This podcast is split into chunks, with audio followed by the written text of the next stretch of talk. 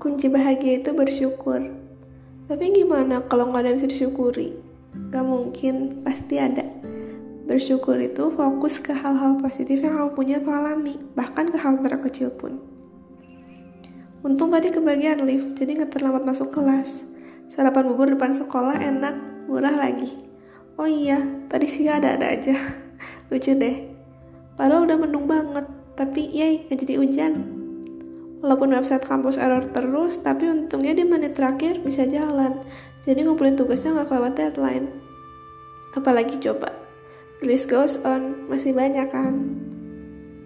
Coba sebelum tidur kamu ingat-ingat lagi semua hal baik yang terjadi hari itu.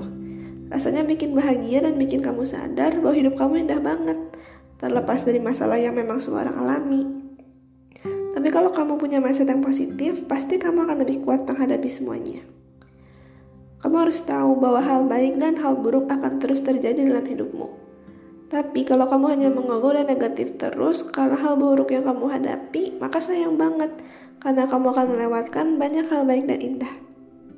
Hidup itu cuma sekali, so let's get the most out of it.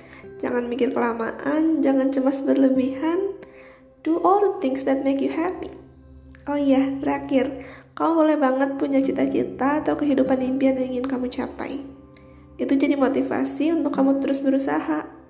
Tapi jangan karena kamu belum mencapainya, kamu jadi tidak bahagia dengan kehidupanmu yang sekarang hmm, intinya sih nikmatin aja prosesnya karena di tiap musim kehidupan pasti ada hal baik dan hal buruknya oke okay?